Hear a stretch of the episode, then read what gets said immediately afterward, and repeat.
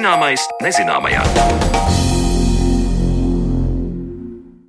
Esiet sveicināti ar jums kopā. Esmu es Sandra Kropa un skanēt sāk raidījums Zināmais nezināmajam. Šodien mēs raidījumu esam veltījuši kafijai. Ik rīta spēcinošā krūze kafijas ir ierasts rituāls tik ļoti daudziem. Tas neapšaubām ir dzēriens, kas ap sevi radīs veselu rituālu un paradumu kopumu, tāpēc ir grūti iedomāties, kāda būtu mūsu ikdiena bez šī dzēriena. Taču aizvien jauni pētījumi mudina domāt, ka kafijas audzēšana nākotnē kļūs tik sarežģīta un ka kafija kļūs par reti dabūjamu luksus preci. Kāpēc tā? Kas notiek kafijas tirgu un kādas ir kafijas koka prasības pret apkārtējo vidi? Par to tad šodien runāsim raidījuma otrajā daļā, bet pirms tam aicinu ieklausīties pašmāju pētnieku idejā, kā kafijas biezumus izmantot atkārtot. Lielais pieprasījums pēc kafijas rada arī lielu apjomu kafijas pārpalikumu. Mājas apstākļos šos biezumus mēdzam izmantot kā skrubi vai berumu augsnē, taču lielos apjomos sardītiem kafijas biezumiem jāmeklē cits pielietojums. Kā šie pārpalikumi varētu palīdzēt, piemēram, notekūdeņu attīrīšanā, par kafijas biezumu otro dzīvi vairāk interesējās Zane Lāce Baltalksne. Kafijas krāsas granulas tiešām tā kā tumši, tumši brūnas. Jā, jā. Nu, smarža tāda jau ir. Ir, ir te jūt. Kad mēs to ražam, nu, patiešām tas smarža ļoti interesanti izslabara. Ar īpaši, kad mēs gatavojam blokus, mums ir kurināmie bloki, nu, līdzīgi šitām, jā, piemēram. Jā. Tā tumši cilindri apaļi. Jā, jā. Arī smaržo. Viesojos Rīgas Tehniskās Universitātes vispārīgās ķīmijas tehnoloģijas institūta laboratorijā. Aplūkoju un arī apošņāju no kafijas biezumiem radītus paraugus granulu, tablešu un cilindra veida brikešu formā. Te kafija sāk tā teikt savu otro dzīvi, pārvēršoties kurināmajā vai notekūdeņu attīrīšanas vai kosmētikas produktā. Divi pēdējie projekti vēl ir izpētes stadijā, taču jau ir pārbaudīts, kā izdzertās kafijas biezumi darbojas kā kurināmais. Kā šis pārstrādes process notiek, to stāsta Rīgas Tehniskās Universitātes, Materiāla zinātnes un Lietišķās ķīmijas fakultātes, Vispārīgās ķīmijas tehnoloģijas institūta pētnieks Andrejs Šiškins. Pirmais posms mums jāizvaras no lieka mitruma, jo kafijas biezuma pēc espreso vai kaut kāda cita tipa kafija ļoti liels palikošs mitrums, gandrīz līdz 70%. Jā, tad faktiski 10 kg kafijas biezumā tur 7 kg ūdeni. Mums tur jāizžavē. Un pēc tam mēs nonākam līdz tādam pulverim, brūnam pulverim. Tas arī smaržo pēc kafijas, bet jūs redzat, ka viņš nelīp, neaglomerēs, tad viņu. Nu jā, vienkārši izžuvuši kafijas biezumi. Kas notiek tālāk? Atkarībā no tā produkta, kuru mēs gribam ražot, jeb uztaisīt prototipu, mums ir idejas piedāvāt dažādus eh, produktus. Vajag gatavot uh, maisījumu ar kaut kādiem citiem komponentiem. Jo, kā jau minēju, dot formu šim pulverim ir ļoti grūti. Nevar viņu presēt kā kokskaidrs, piemēram, ja kā kurināmā, ja, jo tur nav tāda komponenta kā lignīna. Lignīns kust pie um, paaugstinātas temperatūras un izkausējas no koksnes, un principā pēc tam viss salipina kopā, ja, un tās granulas turās. Ja. Šeit tas process nenotiek, un tas ir galvenā problēma, ka mums, kā zinātniekiem, kā tehnoloģiem, jāizveido tādu formulu, lai tie tur savu formu vai granulu veida vai bloku bloku veidā. Tas domāts kā kurināmam, tas virziens. Ja?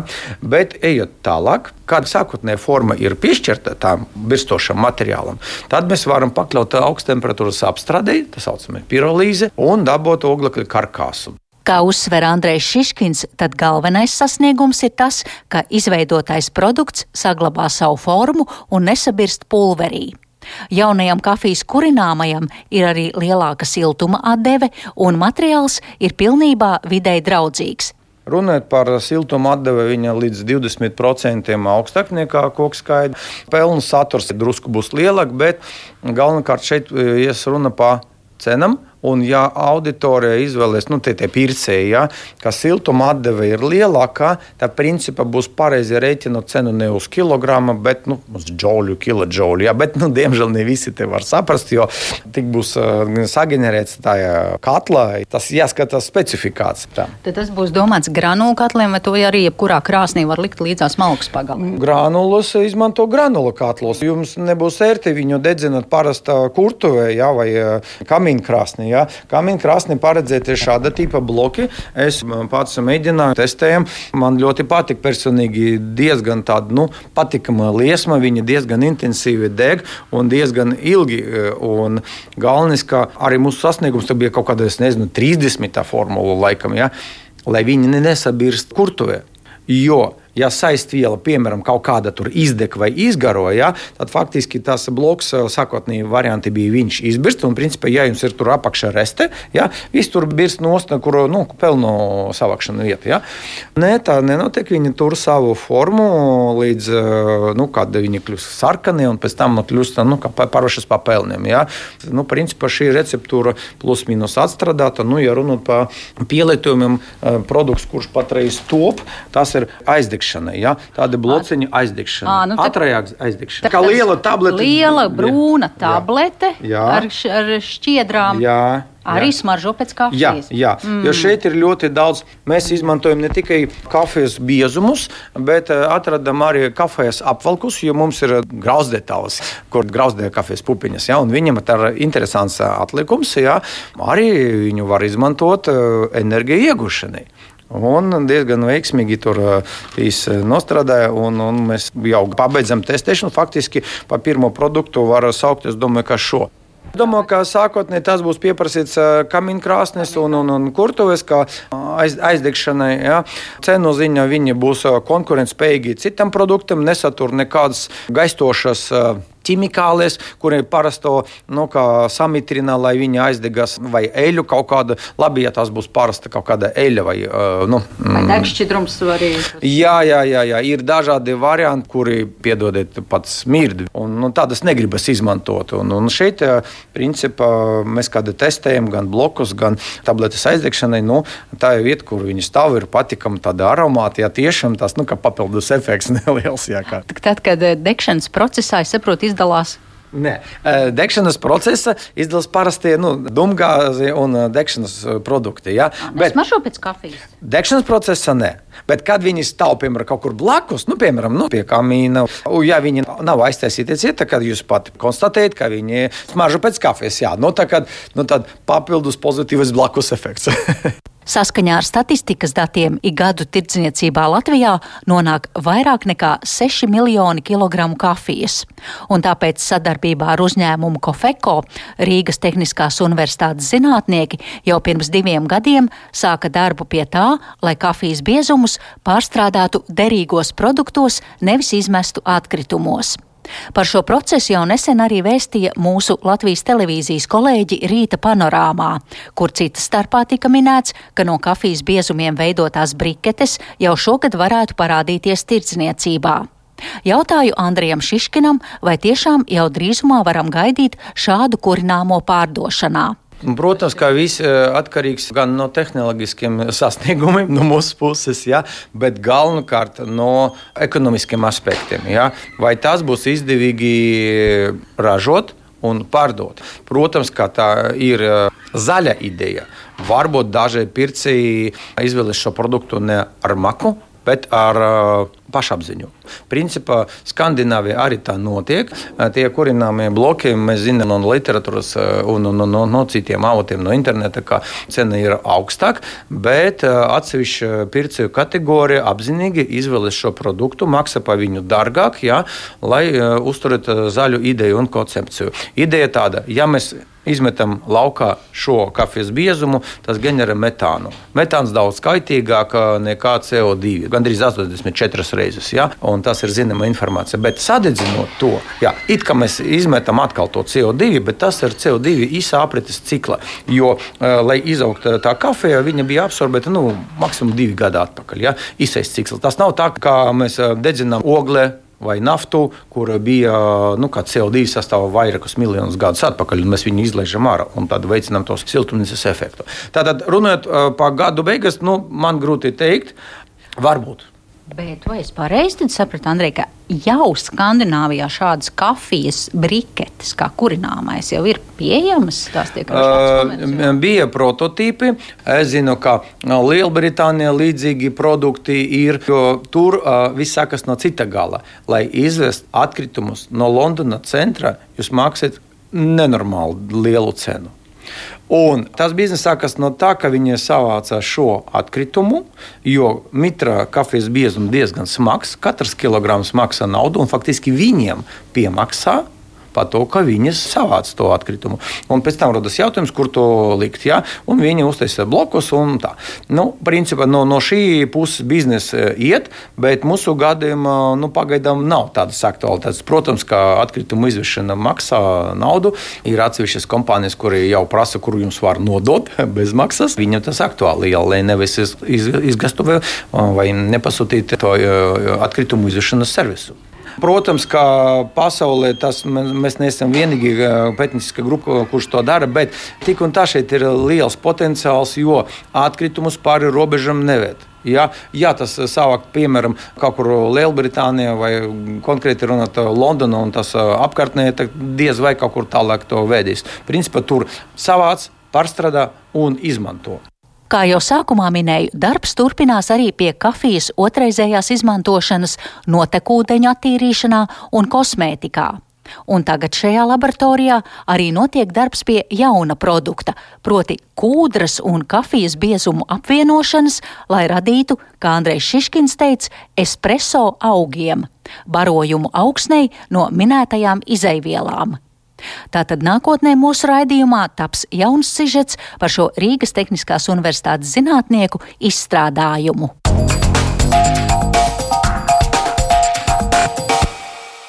Tik tālu par to, ko iesākt ar kafijas biezumiem un kā tos varētu izmantot kā jaunu izēju materiālu, bet redzījuma turpinājumā pievēršamies kafijai un tās nākotnē turpmākajās desmitgadēs.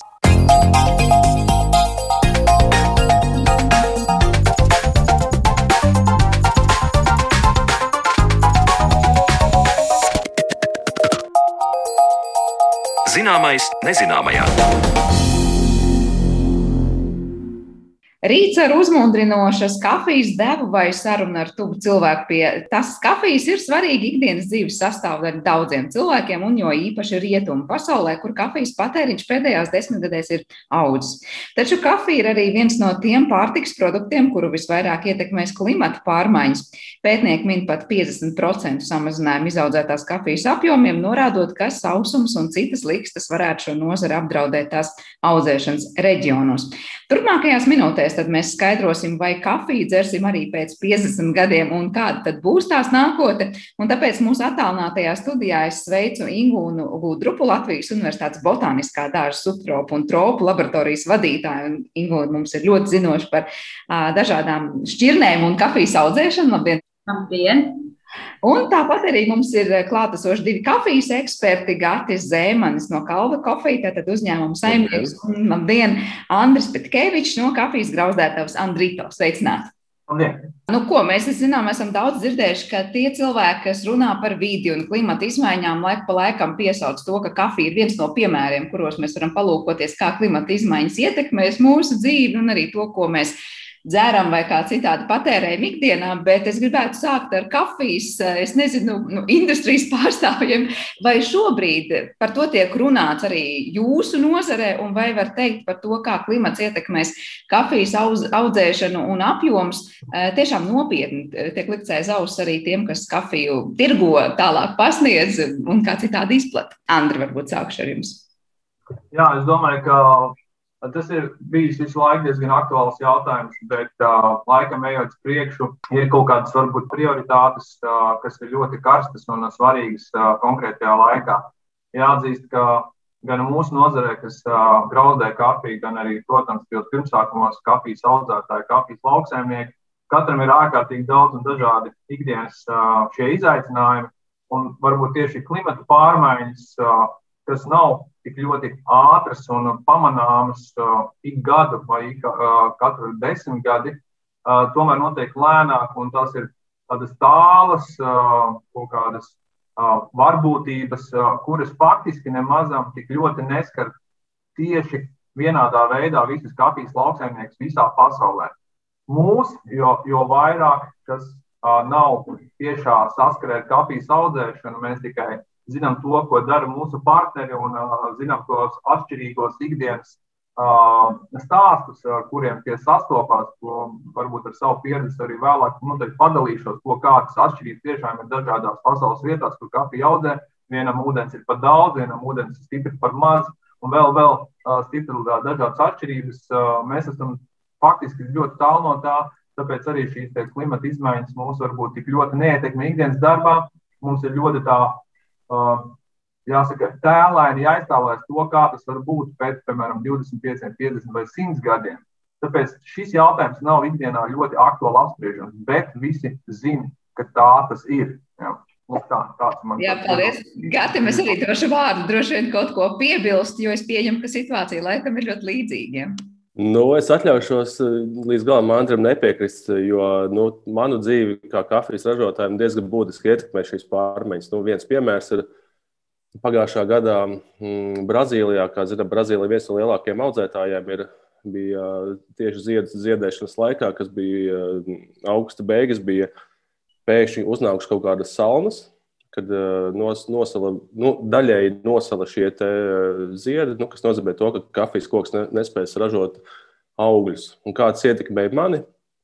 Skaidrs, ka tajā laikā bija spekulācijas, cik daudz raža būs, cik viņa samazināsies tā tālāk, bet tas Eh, mani kā uzņēmēju un, un kafijas baudītājus tālāk to ietekmēja cena. Restīvi, nu, tad eh, dēļ šīm te, uh, laikapstākļu anomālijām uh, biržā kafijas cena auga divas reizes. Tas ir diezgan būtisks pieaugums man kā uzņēmējam, tie ir no kaut kādas finanses plūsmas. Arī, protams, kad šādi gadījumi liek vairāk pasīties šīm problēmām. Es piekrītu Andrim, ka ir grūti varbūt teiksim, no, nomērīt šādas problēmas, bet, bet nu, noteikti, ka viņas ir un ar viņām mēs saskaramies. Un, Es pirms divām nedēļām tieši atbraucu no Brazīlijas, kur biju Minas Garājas reģionā pie mūsu kafijas partneriem. Tad es arī viņiem uzdevu tādu jautājumu, jā, nu, kā jūs skatāties uz, uz nākotni, nākotni kafijas audzēšanā. Un, nu, tā, tā ātrā atbilde ir tāda, ka eh, skaidrs, ka viss ir optimistiski. Bet nu, par to noteikti vēlāk sīkāk.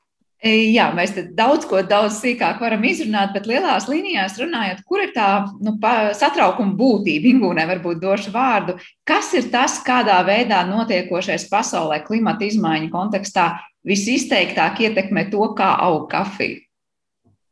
Nu jā, nu kafija mēs esam pieraduši nu, lietot pārtikā vienu, divas sugas kafijas, bet pas uh, ir. Um, kafijas apmēram pāris simtam stubu. Viņas lielākoties aug Āfrikā, un viņām, viņas jau arī ir nedaudz atšķirās viena no otras, gan ar augšanas apstākļiem, gan arī pēc uh, morfoloģiskām pazīmēm. Un, uh, Un, protams, ka lielās kafijas plantācijas jau atrodas citos kontinentos, kur šai kafijai tiek rasti līdzvērtīgi apstākļi, lai viņu audzētu. Un, protams, ja šie apstākļi mainās, tad ir jādomā, nu, kā atrast atkal. Nu, vienkārši pētīt atkal citas kafijas sugas, kas varētu veidot krustojumus ar um, esošajām kafijas sugām un radīt jaunas šķirnes, kas būtu pielāgotas šim klimatam. Bet tas, kas tajā klimatā mainās un kafijai ir visnoteicošāks, tas ir tas, ko Andris pirms brīža minēja, kaut kur nokrišņu daudzums kļūst lielāks, un tas ir slikti kafijai, vai savukārt pretēji kaut kur tas tieši samazinās un kafijai nu, var tikt nākt. Kafijai atkal vajadzīgs nu, pamatā viņa ir pieradusi augt mitros tropu mežos. Viņai vajadzīgs nu, pietiekams mitruma daudzums, viņai tie sausuma periodi īsti neder. Jo... Es eh, varbūt eh, atļaušos papildināt. Primāri tas ir, eh, lai, kafe, lai klausītāji vairāk saprastu, tai kafija, lai būtu kafija.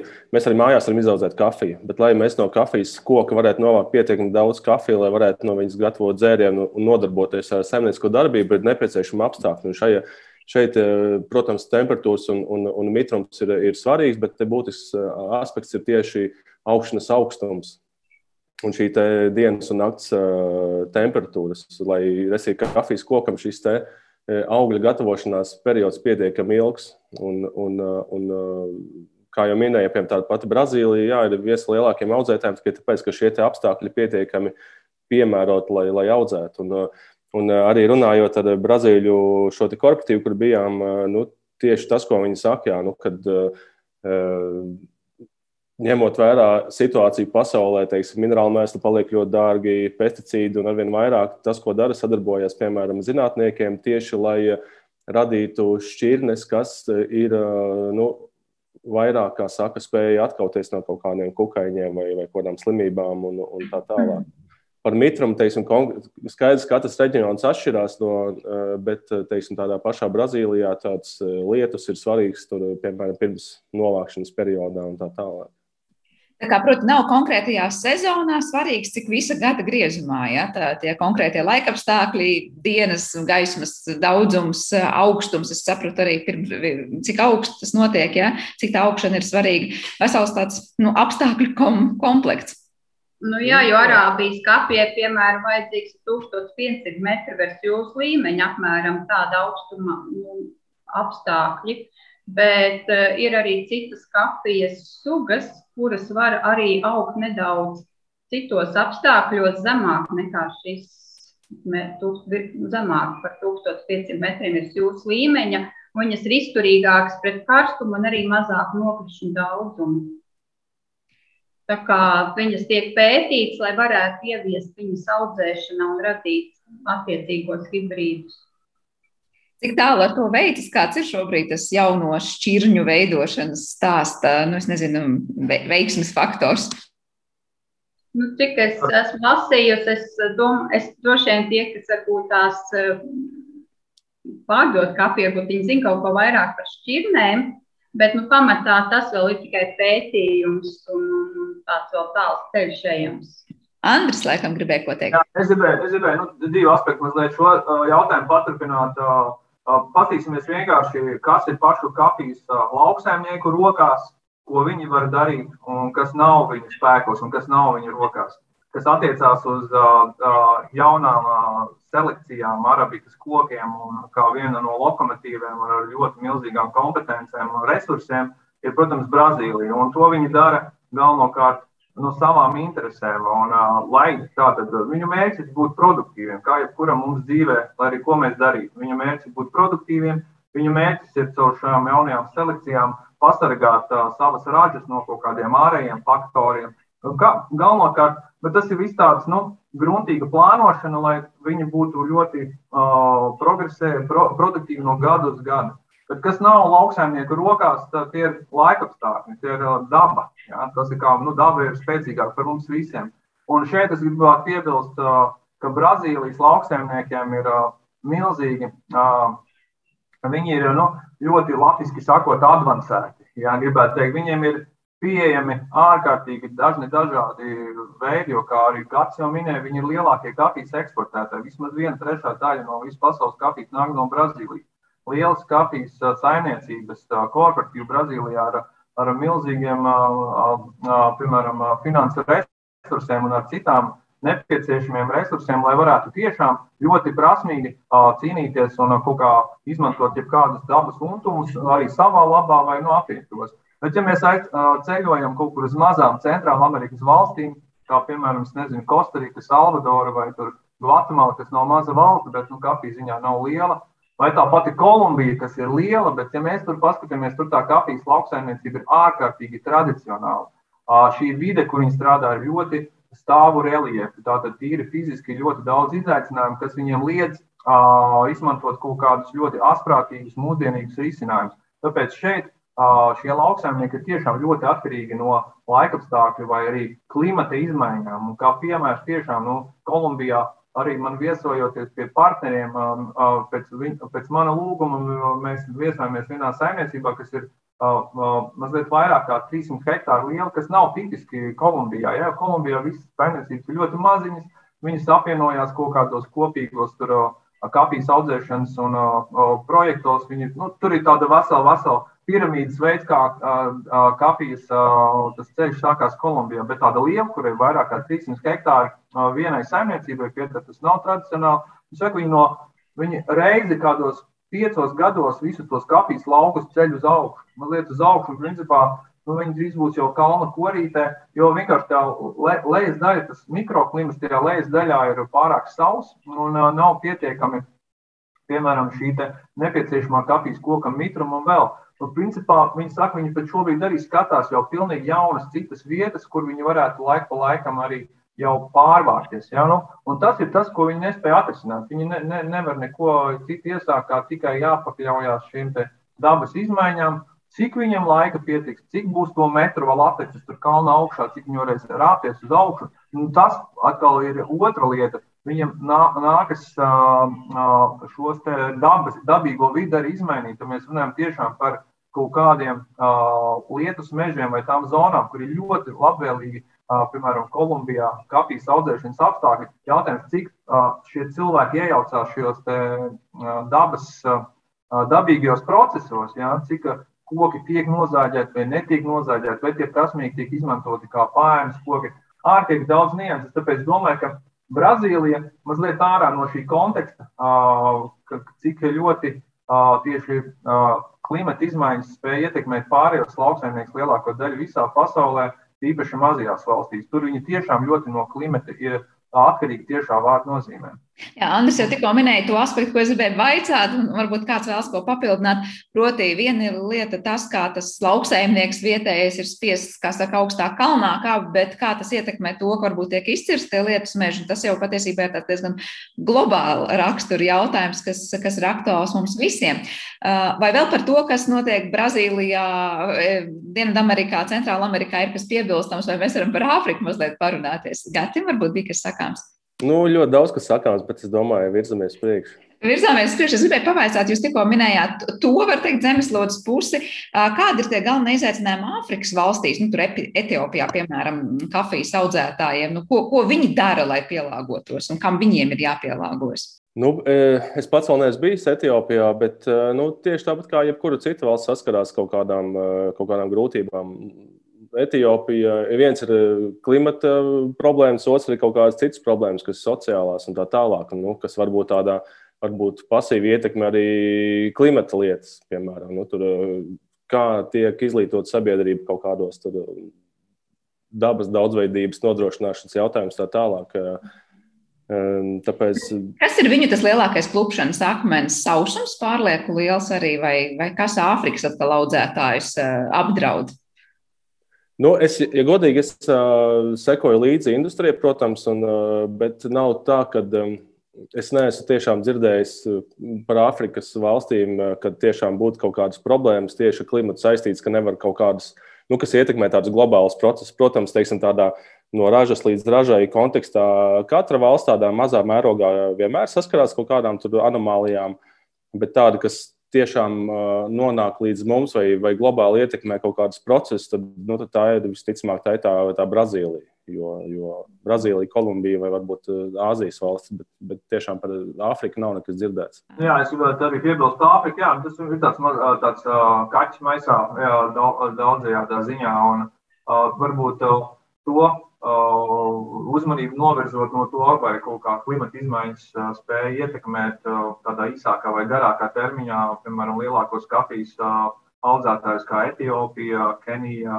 Tanzānija, Uganda, dažādām kafijas kvalitātēm, visu pārējo. Tad ir jā, jā, jāatzīst, ka nu, pēdējos, nu, pēdējā nu, garākā laikā, nu, īpaši šī, šīs gadsimta, šie pēdējie 20 gadi, pilnīgi noteikti arī ir tie, kas no rietumu pasaules, tieši lielās importu kompānijas, kas, kuru intereses arī tiek šādā veidā pārstāvētas, cik veiksmīgi un cik labi un cik stabili ar kaut kādu izaugsmu varbūt strādā kafijas lauksaimnieki vai lielie korporatīvi Āfrikas valstīs, jo tad ir tiešām rietumu pasaules gan, gan finanses, gan uh, zināšanas un vēl dažādu veidu palīdzību šajās valstīs tiek uh, investēta, lai tas virzītos uz, uz priekšu, kas attiecās tiešām uz klimata izmaiņām. Šobrīd nevar teikt, nu, man šķiet, ka attiecībā uz Āfrikas valstīm tur ir daudz citas uh, rakstura tādas izaicinājumu problēmas, nu, tās nav lielas problēmas vai mazākas problēmas, uh, kas mazliet arī novirza uzmanību, ka, piemēram, nu,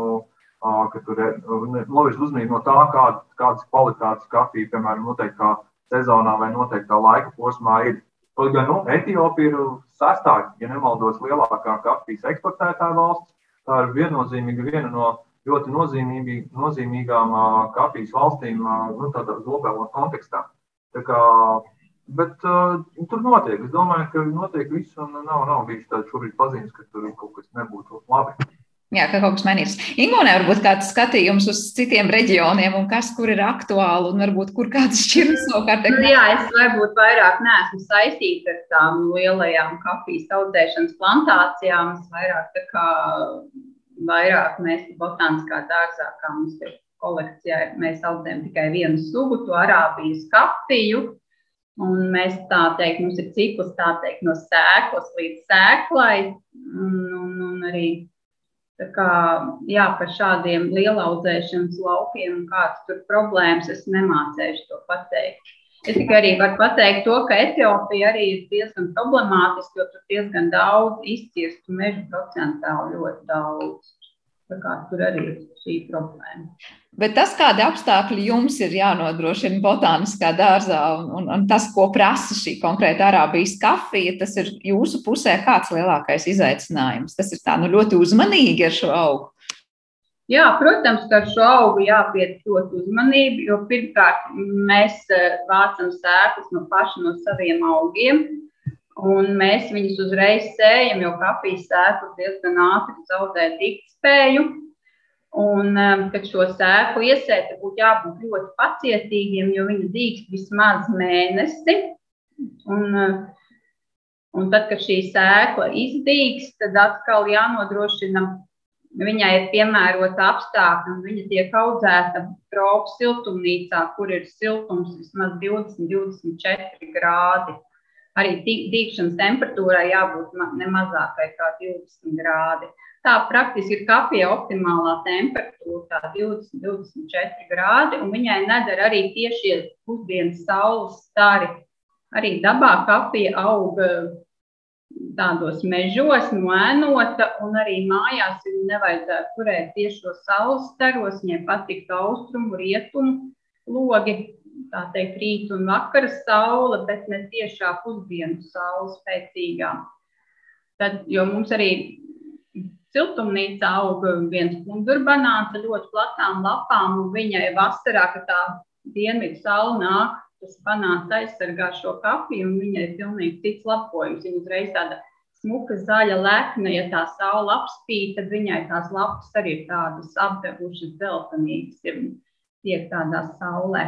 Protams, kad eh, kafija zied vairākas reizes sezonā ar ļoti smaržīgiem ziediem, un eh, Tāpēc uz augu var redzēt gan ziedus, gan vienlaicīgi arī augļus. Jo pavasarī, piemēram, šī kafija uzzied, augļi aizmetās, un kaut kad vasaras vidū viņi atkal zied otrais, un uh, tad tie augļi tur vēl briest, un, ziedi balti ir uz zariem. Tā kā tā interesantas koks izskatās. Un um, no augļa aizmešanās līdz nogatavošanās paiet apmēram deviņi mēneši, diezgan ilgs laiks, kamēr šī raža ienākās. Tā kā jābūt ļoti, ļoti pacietīgam, bet tas, ko Gatis sākumā teica, nu, izaudzēt mēs varam, jautājums, vai mēs no tā gūsim nu, tik daudz, lai mēs varētu iegūt pašu kafiju ko, ko dzert. Kā ir Latvijas gadījumā? Mēs runājam par to, ja cilvēki arī sāktu audzēt kafiju, tas būtu tāds krāšņu augs vairāk un tāds sirdspriekam, vai tomēr tas, ko no mūsu apstākļos izaudzētiem siltumnīcā kafijas augiem var iegūt, ir kaut kas, ko var likt arī kādu dienu kafijas tasē. Nē, tas droši vien būtu dārgs process. Protams, ka tas ir vairāk priekam un relaksācijai un var nogaršot arī šo kafijas augli, jo gan sēklas apvalciņš sarkanais, gan pašas sēkliņas, viņas jau var ēst arī tāpat tās uzgraust. Bet, um, lai iegūtu sev attiecīgi katrai dienai kafijas tastītē, es domāju, ka no viena koka mēs to mājās neiegūsim. Jā, tā kā arī vairākus kokus droši vien tik ļoti neaudzēsim Latvijā, lai ar kaut ko tādu nodarbotos, bet runājot par jaunām teritorijām, ko uzskata, kas varētu nākotnē kļūt par tādām nu, kafijas audzēšanas uh, lielvalstīm.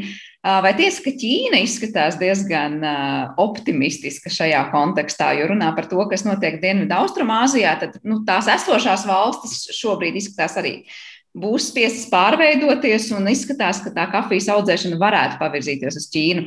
Es jautāšu abiem kafijas tirgotājiem un, un, un, un, un ar kafijas industriju saistītiem pārstāvjiem, vai jums ir kādas ziņas par šiem reģioniem? Gati? Jā, nu par Ķīnu dzirdēts arī kafijas kontekstā. Nu, Ķīna audzē arī vīnogas un, un, un, un brūvē pietiekami garšīgas vīnas. Noteikti, ka eh, kaut kādā nākotnē tas, tas ir iespējams, bet nu, visticamāk tas tās paudžu jautājums. Es neticu, ka es sagaidīšu, kad varēšu pasūtīt eh, kafijas konteineru no Ķīnas, kas būs eh, pietiekami labā kvalitātē, garšas un, un cenā.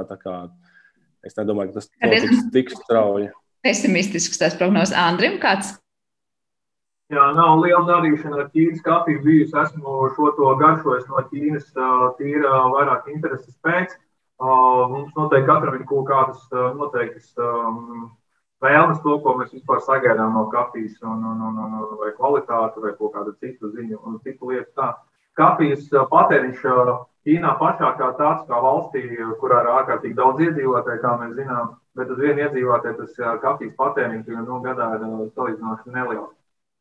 Kas attiecās uz to, ka arī Dārts minēs kaut kādu paudžu maiņu, un Ķīna ir viens kā piemēram no tā, no tā reģiona valstīm, kur jauniem cilvēkiem šīs pasaulīgās lietas arvien patīk vairāk un vairāk, un viņi varbūt ir pielīdzināties, nezinu, amerikāņiem vai tādā vai itāļiem, vai vēl, un tās, nu, tās visas kultūras kaut kur kādreiz saplūst, tīpaši mūsu mūsdienu šajā laikmetā, kad mēs tiekamies visi telefonos, vai arī tā kā mēs šobrīd sarunājamies ekrānā.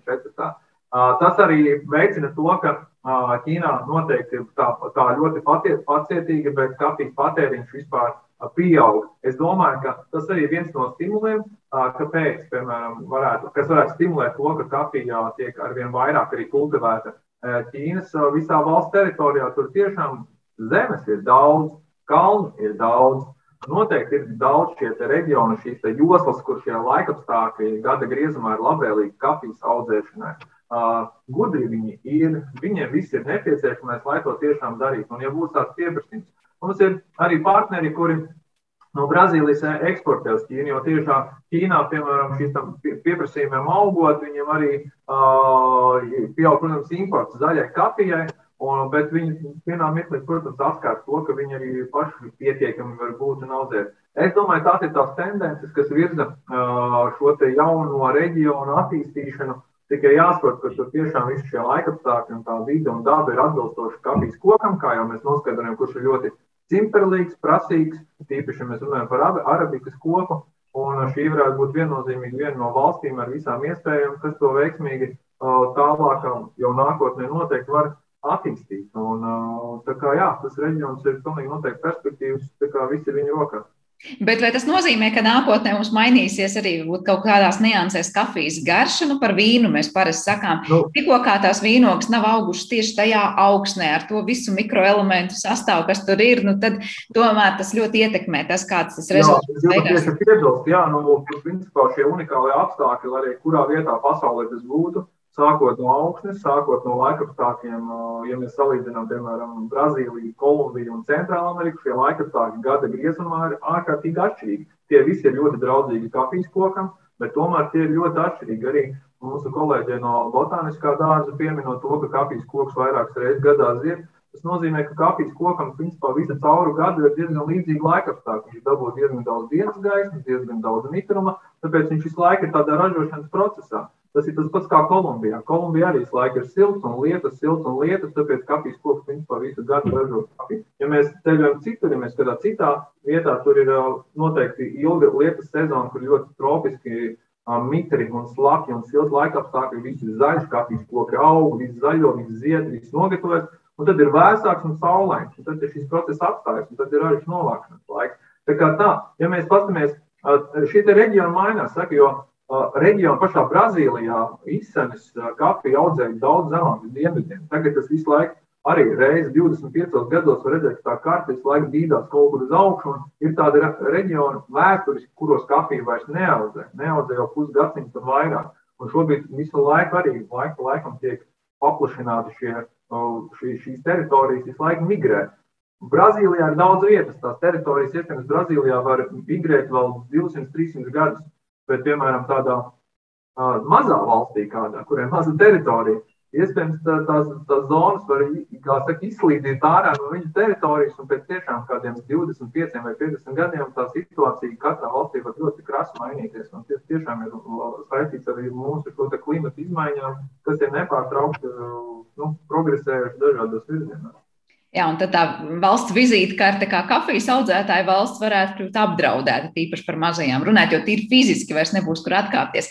Vai noslēdzot šo sarunu, vēl Gatam ir kas piebilstams par to, kā mainīsies, nemainīsies nākotnē kafijas garša, varbūt cena un vispārējais, ja mēs runājam tieši par klimata apstākļiem, kas to ietekmēs?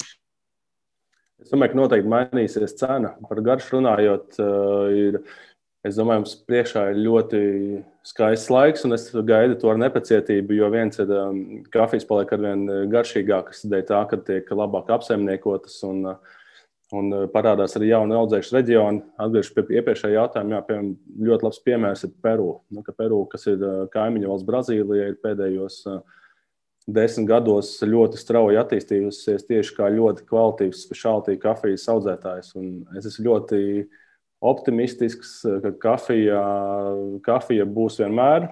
Kad eh, noteikti ka nebūs tā, ka eh, pēkšņi vairs pēc 50 gadiem tā nav. Nu, es esmu atkārtošos optimists. Un, eh, Tas, kas vienkārši viņi būs grūtāk pieejami, jo cilvēki paliek lielāki. Arī Andris pieminēja, ka Āzija, kas ir tējas dzērāja nācijas, ir ļoti daudz sāk dzert kafiju un vienkārši tā pieejamība. Ja, piemēram, pirms pāris gadiem nebija problēma atrast iepriekšējās ražas kafiju, tad principā šobrīd tā jau ir problēma sākam dzert kafiju daudz vairāk uz šīs pasaules, ne tikai Eiropā, bet arī ārpus Eiropas. Ingūna, tad noslēdzot šo, šo sarunu, kā izskatās tā, nezinu, cik gadu tuvā un tālā nākotne, vai mēs varam teikt, ka tomēr mm, industrija pielāgosies, ja meklējot jaunus šķirnes un te kaut kādu selekcionāru pakalpojumu nāks, nāks tālāk un būs ļoti novērtēti, vai es nezinu, kādien redzēsim vairāk ziemeļpuslodē audzējumu kafiju. Nu, grūti teikt, bet kafija noteikti tiks audzēta, jo par to jau visi industrija strādā uz šo. Un viņai noteikti arī garša varētu mainīties. Un interesanti arī tas, ka cilvēks arī pamazām pielāgojās citām garšām. Tā kā iespējams kafija varētu būt ar nedaudz atšķirīgām niansēm. Tā kā mēs arī turpmāk dzersim kafiju. Dzert mēs noteikti to dzersim, bet lūkosim, kādā veidā audzēsim, nogādāsim līdz mums, un vai to nedarīsim ļoti daudz uz šo izcirsto teritoriju rēķina. Bet, laikam, kafija ir viens no tiem piemēriem, kuram mēs varam teikt, nu, kā jebkuru citu pārtikas produktu, padomājam, kā klimats to ietekmēs, un atradīsim ļoti daudz interesantu aspektu, par kuriem padomāt. Paldies jums visiem trim par šo sarunu, un es atgādināšu, ka šajā raidījuma pusstundā mēs bijām kopā ar Latvijas Universitātes Botāniskā dārza subtropu un tropu laboratorijas vadītāju Ingūnu Gudrupu, tāpat arī kafijas ekspertiem Kalva kafiju uzņēmumu saimnieku Gati Zemani un kafijas grauzdētavas Andrito, arī saimnieku Andru Petkeviču. Paldies jums par sarunu un teikšu paldies arī klausītājiem. Mēs tiekamies jau rīt. Visu labu!